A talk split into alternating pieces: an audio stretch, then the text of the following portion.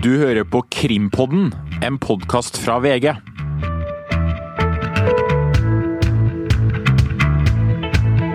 Den siste uka har vi fått eh, opplæring i hasjbutikken til Gjermund Cappelen. Og det har vi fått gjennom en ekstremt detaljert utspørring av Eirik Jensens tidligere politikilde. I dag er det litt folksomt her i studio.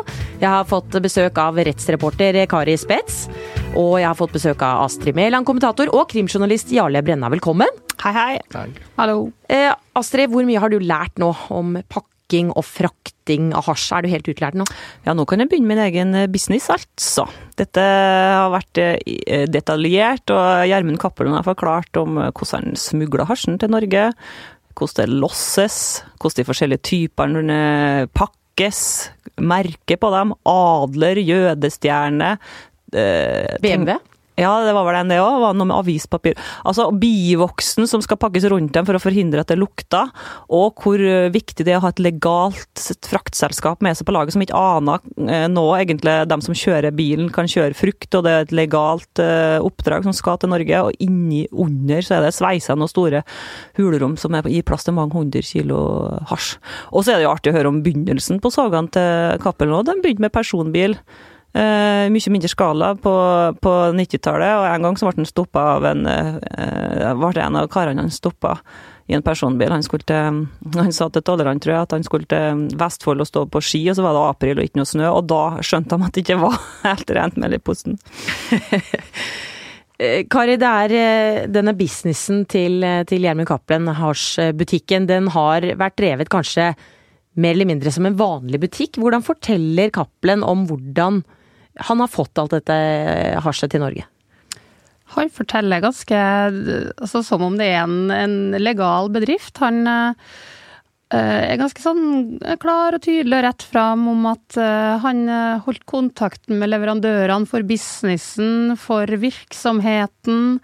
Eh, ja, en gang han forteller at han var nå ute og tok en øl med ENM, og han hadde, forteller sånn rett fram at han hadde jo med seg noen som eh, Det var viktig at de testa hasjen, da for å se om de likte den. Og det var viktig med gode varer som liksom skilte seg ut i Norge. For hvis, eh, hvis varene var litt sånn halvveis, da, så mista han Virka som han mista litt sånn troverdighet. Og, så det skulle være top notch og Ja. Det er på en måte kun av det beste. Men mye sånn at det foregikk mye på tekstmeldingen. Virka ikke som det var noe sånn tett forhold, men eh, 'hello, my friend, er du her? Eh, skal vi møtes nå?' Ja, ikke sant. Vi kaller han jo hasjbaronen, kanskje ikke uten grunn, for eh, Spesialenheten mener jo at det har vært over 50 hasjinnførsler inn til Norge. Jarle, hvordan mener de å bevise dette her, at det har skjedd så mye over så mange år? Nei, Gjermund Cappelen forklarte seg jo først eh, helt fritt i politiavhør. Eh, Forklarte seg da om eh, mange av disse transportene. Huska da selvfølgelig ikke detaljert akkurat hvilken dag de kom. Og tiltalen er jo også sånn utforma at jo lenger tilbake i tid, jo mindre presis er den. For eksempel så er det fra 2004 til 2005 så er det seks anledninger til sammen anslagsvis 600 kilo fra Nederland. Der er det så upresist. Så kommer man inn i um, fra 2012 og sånn, der det er uh, Da har du en transport som er beslaglagt, så den vet man selvfølgelig når det ble tatt. Men du ser også seinere at der er det på datoen, da. Og grunnen til det er at der har man funnet bevis, mener man da, først og fremst i form av kommunikasjon, tekstmeldinger, uh, som er sendt da først og fremst mellom de andre i hasjnettverket.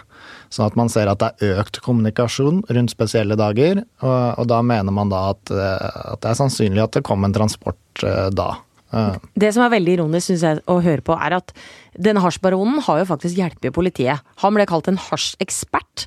Var inne når politiet skulle lage denne rapporten sin Oslo 2022. Hvordan var det Gjermund Cappelen bidro, og skulle liksom hjelpe politiet med å gi et bilde over narkotikainnførsler i Norge?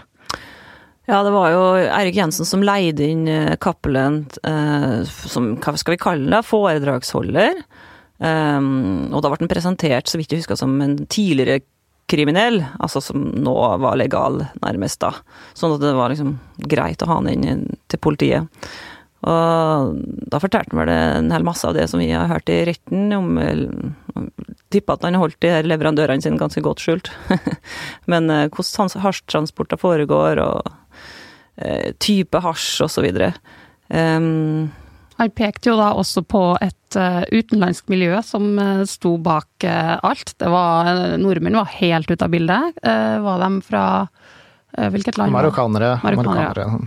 Han, har jo ikke, han har jo rett i det, at marokkanere er store innen hasj, men det var jo helt tydelig at han forsøkte å ja, Pekte i hvert fall på konkurrentene da, i markedet.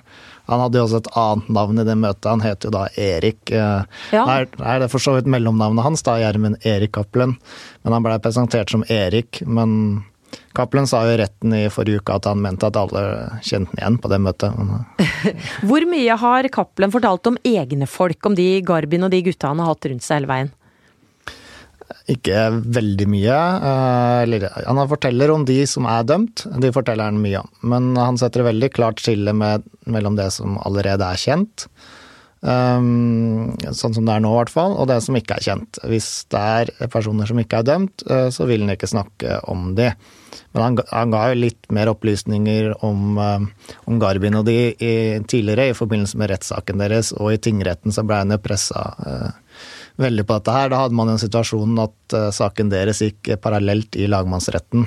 Uh, og da klarte uh, Lars Erik Alfheim, statsadvokaten, å pressen litt på noen punkter. Mm. Det er jo mange kallenavn på de gutta han har rundt seg. Jeg har hørt, det er rørleggeren og Hvilke andre? Hedmarkingen eller Husselgeren, hjelpepleieren ja. eller hjelpe, helsearbeideren. Og alle her var jo ganske sur på Cappelen, virka som, når de vitna i tingretten. De har jo vært inne alle sammen. Eh, fordi at de mente vel at han hadde ført til deres fall, og dratt dem med seg i fallet, og snakka altfor mye på ham. Men jeg syns at det, kanskje at Cappelen er litt mer avslappa når han forteller om det her den gangen her, sånn som Jarle er inne på, kanskje. For de sitter jo faktisk ikke i en eh, annen eh, rettssal nå og skal bli dømt, de er ferdige. I denne oppbevaringssaken? Den er ferdig, ikke sant. De har fått sin straff, og de sona nå, nå, i fengsel. Kommer ikke på hva den høyeste dommen var, var det 13, 12, 14, kommer ikke jeg. Han fikk jo litt nedsatt uh, straff i ankesaken sin i Borgerting lagmannsrett. Mm. Men jeg, jeg forekjemmer at uh, Cappelen sliter litt mindre med å forklare seg nå, at han kanskje husker litt bedre. Men uten at jeg kan liksom peke på noe konkret som han har sagt, altså. Det kan ikke men han er mer avslappa i hvert fall. Han, han blitt, sier jo uh, ingenting om leverandørene i Nei, det utlandet. Han, det, han sier han har nok problemer med det han har sagt allerede. Han vil ikke si noe om dem som har da levert hasj til ham. Det er, det er vel fare for livet hans hvis han sier noe? Og så er de jo helt sikkert operative, eller helt sikkert, det er jo sikkert folk som er operative ennå. Ja, spørsmålet er kan Cappelen fortsatt hente penger der ute på, på hasj som kommer inn til Norge? Cappelen, nei det Det kan godt hende at Cappelen har gjemt unna noe penger noen plass, men at han er aktiv eh, fortsatt, det kan jeg vanskelig å se for meg. Hele nettverket hans er ødelagt, rasert, fengsla. Han sitter inne sjøl. Um, ja, nei, det tror jeg ikke. Mm. Jarle vil snakke om disse tidslinjene, hvordan Spesialenheten har jobba for å få fram dette her, og de mener de kan bevise det. Hvordan blir de tidslinjene brukt i, i ankesaken? Nei, De har utarbeida eh, et ark, holdt jeg på å si. Det er litt mer enn det. Det er en hel perm. Um, med dag for dag, rett og slett. Uh, fra, fra 2009 er det vel, fram til i dag. Det er jo litt avhengig av hvor langt man Han har jo ikke kommet i 2008 starter det. Man kan ikke komme helt tilbake, fordi da eh, tida går, bevis forsvinner. Og Det er jo da basert på mobiltelefoner man har funnet, eh, spesielt hjemme hos Gjermund Cappelen. Der fant de 40 mobiler. Mm. Så som han sjøl sa i retten, så hadde han vært litt dårlig på det. Um, Men man har ikke funnet alle? Nei, nei, nei, det er mange flere. Det er perioder man ikke har funnet mobiler. Um, det er også mobiler man ikke har klart å hente ut all informasjon fra, uh, spesielt i, i nyere tid. Uh, og så har de ikke klart å finne ut De har funnet en melding som har vært sendt, f.eks., men så har de ikke funnet ut hvem som har sendt den.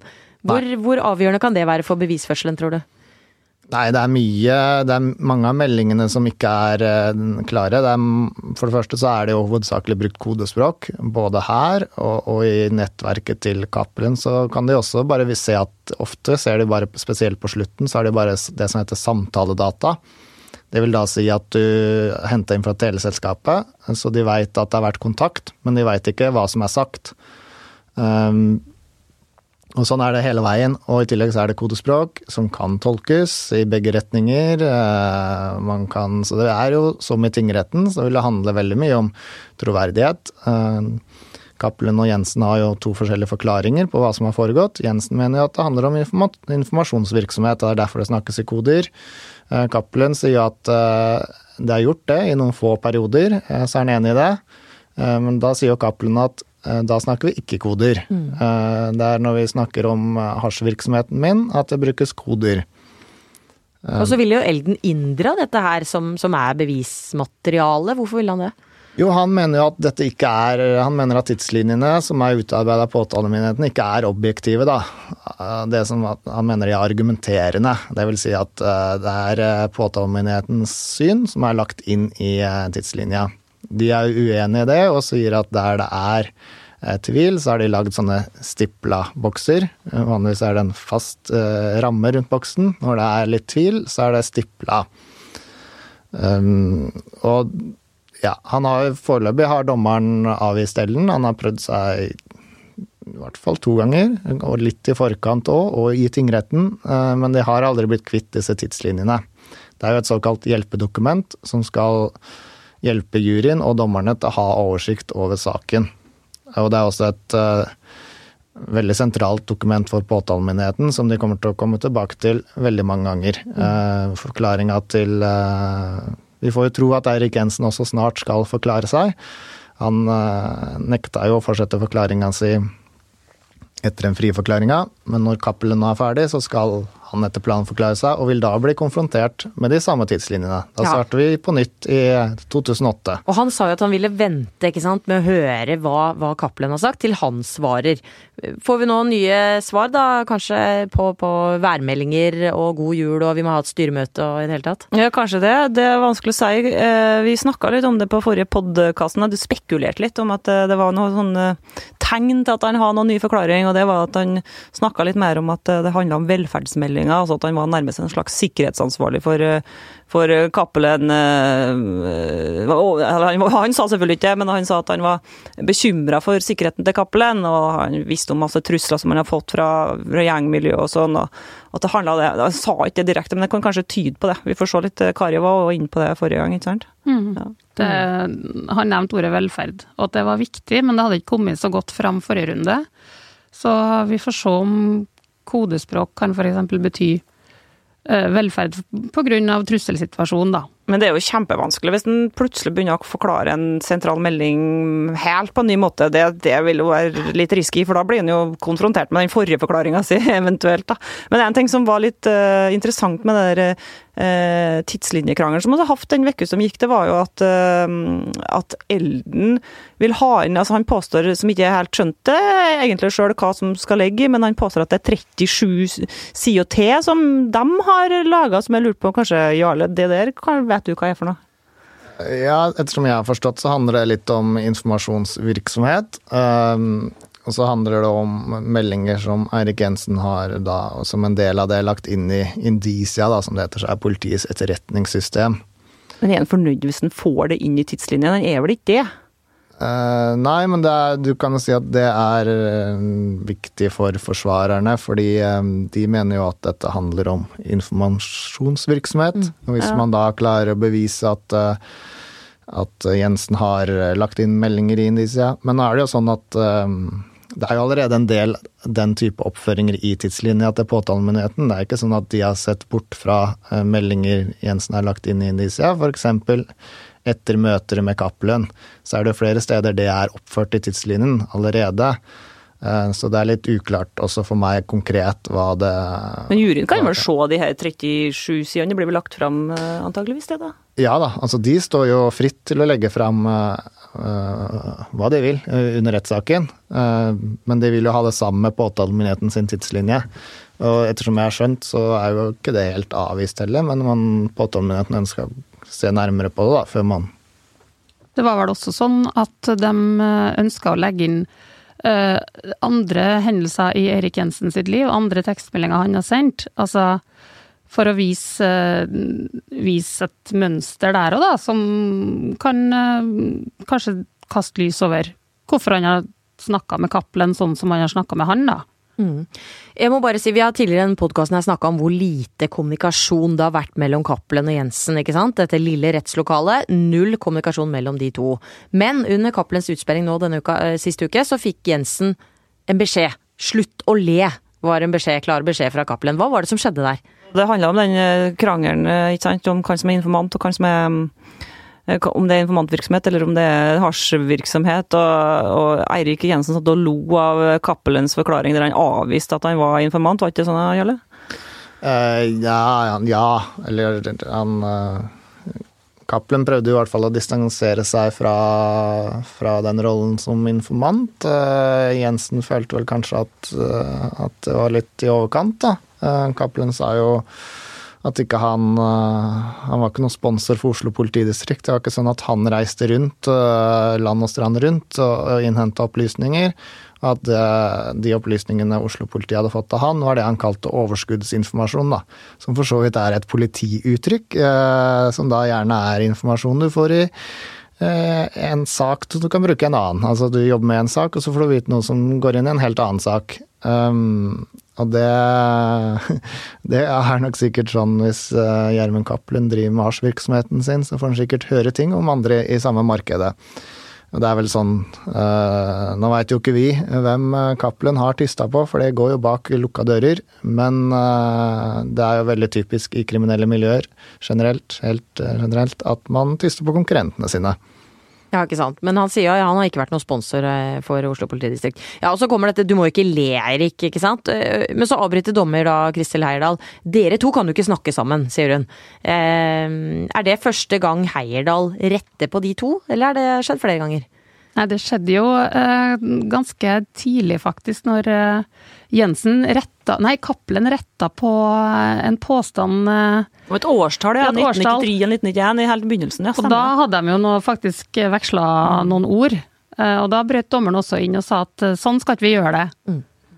Um, men Jensen har, eh, har, eh, må si, han har eh, ledd ganske mye. Du kan jo spørre seg hva han Eh.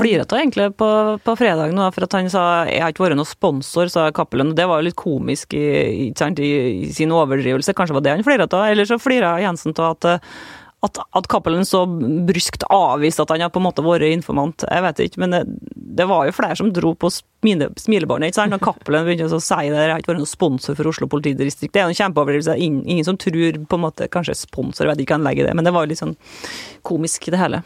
Han mener at han har gitt 15 millioner kroner eh, til Erik Jensen, så en viss sponsor er det jo Ja, ja, det kan hende vel mer sånn pri privat sponsor, sponsorat, det tror jeg heller enn politidistriktet, da. Um, hvis det stemmer. Men um, ja, det, den krangelen her kommer vi vel tilbake til igjen og igjen. Det er jo hele kjernen i saken. Det er jo det. Og det har vært lest opp masse, masse, masse SMS-er. Jeg kan lese opp én av de, eller et par da, men først én.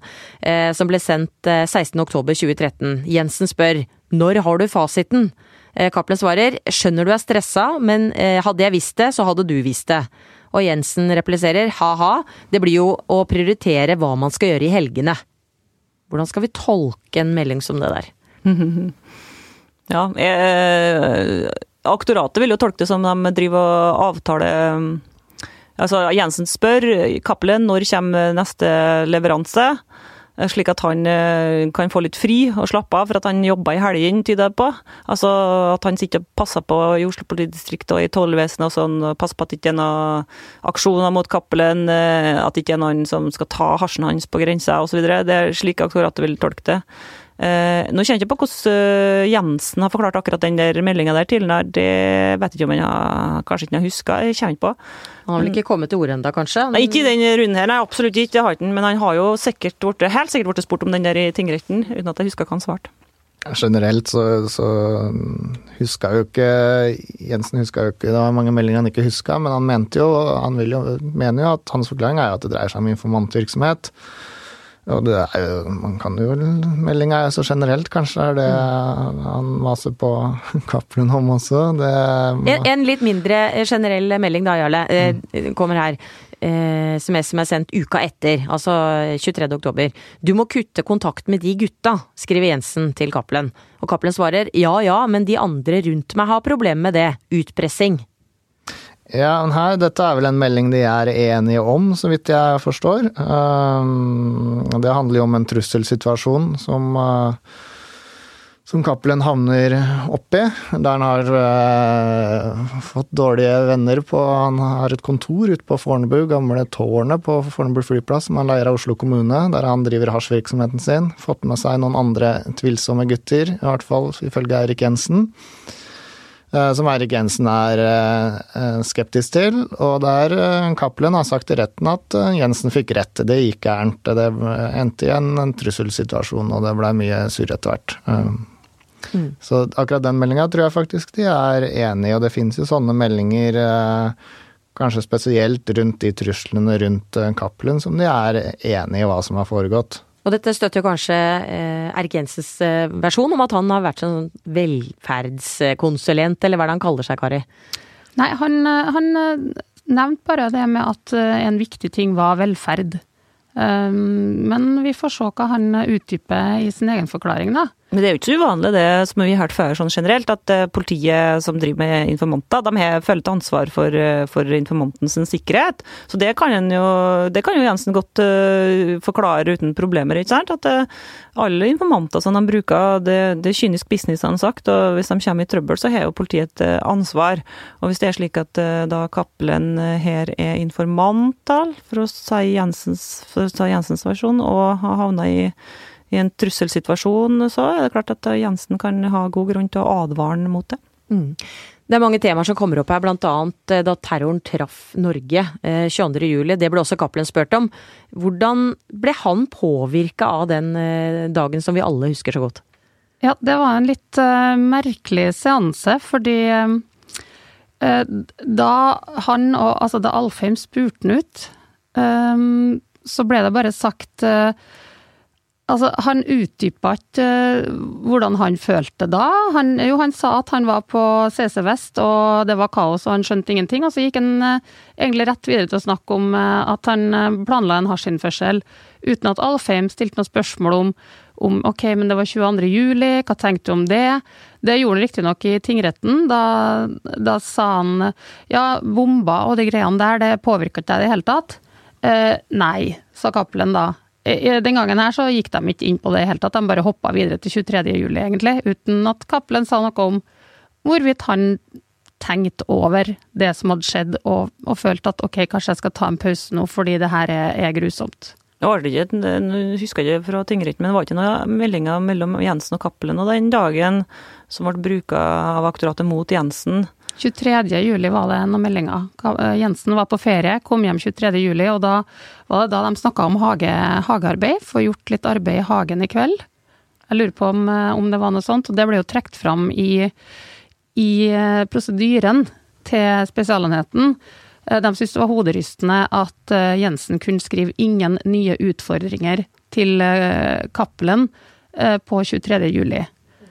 Um, mens eh, Jensen uh, mente vel da at det, det handla kun om at altså han skulle sjekke med Cappelen, han kunne jo vite noen ting om, om 22. juli og det som hadde skjedd. Det er jo også kommunikasjon mellom Cappelen og et dansk nummer 23. juli. Um, som Cappelen da forklarer at det er planlegging av en ny transport, da, innførsel. Jobb, jobben går videre. Life goes on eh, for Gjermund Cappelen uansett hva som. Viktig å eh, få varer fram, fortalte han jo den uka som gikk òg. Folk skal ha varer til jul, blant annet. Akkurat som vanlig Oslo City og City Syd. ikke sant? De må få inn varene, og det skal være i havn til jul. og det, sånn er akkurat som å høre på en vanlig forretningsmann. Vi stort sett så har vi fått høre om smugling som har gått eh, etter planen, men vi fikk jo også, Jarle, høre om en Bandidos-smugling sommeren 2013, der politiet fant 186,5 kilo eh, hasj pakka inn i treningsbager. Eh, eh, som lå i bagasjerommet på en bil. Hva mener Cappelen at ble gjort feil der den ene? Det var han jo litt flau over. Ja, han hadde jo da slitt med leverandører, så han prøvde å skaffe seg en ny leverandør. Eh, og der uh, mener jo Cappelen at, uh, at ble, han gjorde en tabbe. Han ville ikke gjort det igjen. Det var jo en gjeng fra Bandidos som skulle kjøre dette over.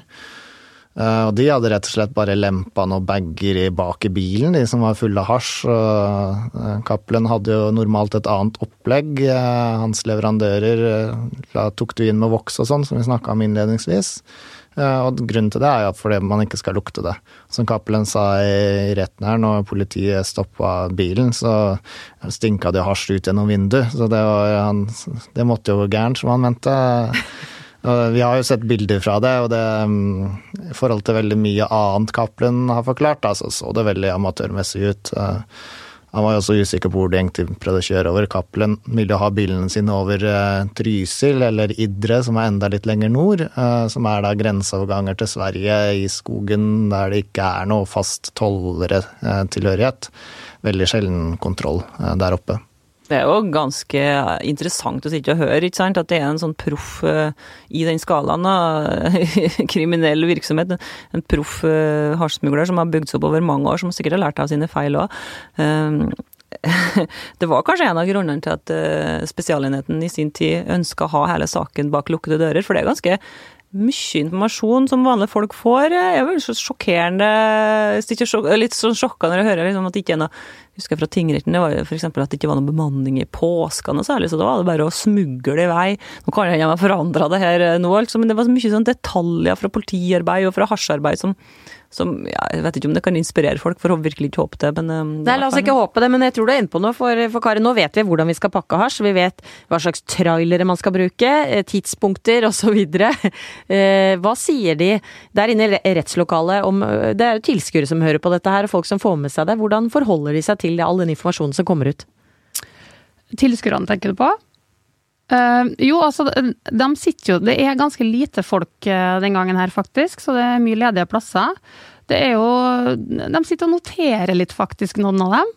Um, usikker på hva de noterer, da, men uh, de kan jo ikke altså, de, de kan jo ikke legge begrensninger på hva som kommer frem i rettssaken heller, fordi det er viktig informasjon.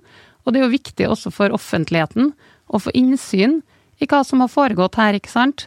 Eller hva som ikke har foregått. Hvis ikke så blir det mye konspirasjonsteorier. Hva foregikk egentlig bak lukka døra? Um, hvem er skyldig, hvem er uskyldig? Nå kommer det meste fram. Uh, bortsett fra det som kommer, fra, fram bak lukka dører, som uh, f.eks.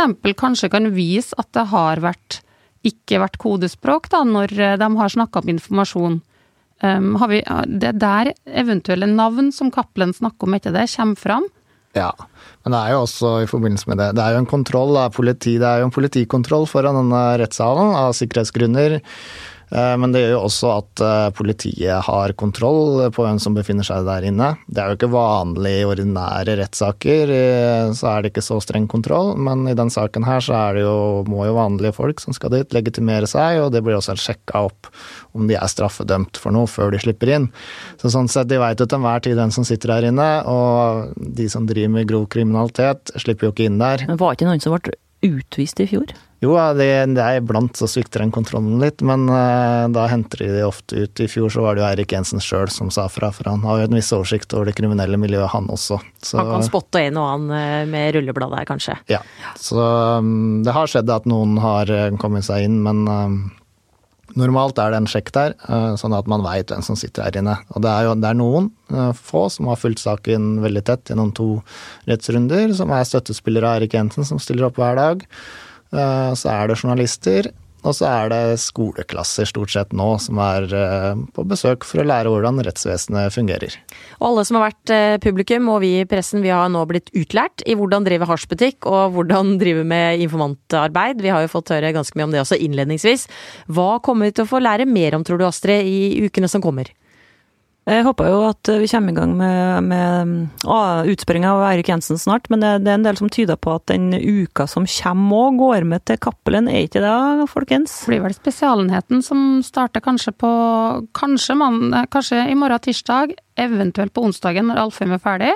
Og så skal vel Elden eh, stille spørsmål til Cappelen. Og da blir det nok litt mer eh, hardcore stemning enn når Alfheim eh, stiller spørsmål, da. Og det vil nok også ta ganske lang tid. Ja. Vi gleder oss, vi spisser øra og har notatblokka klar, og så høres vi her igjen neste uke.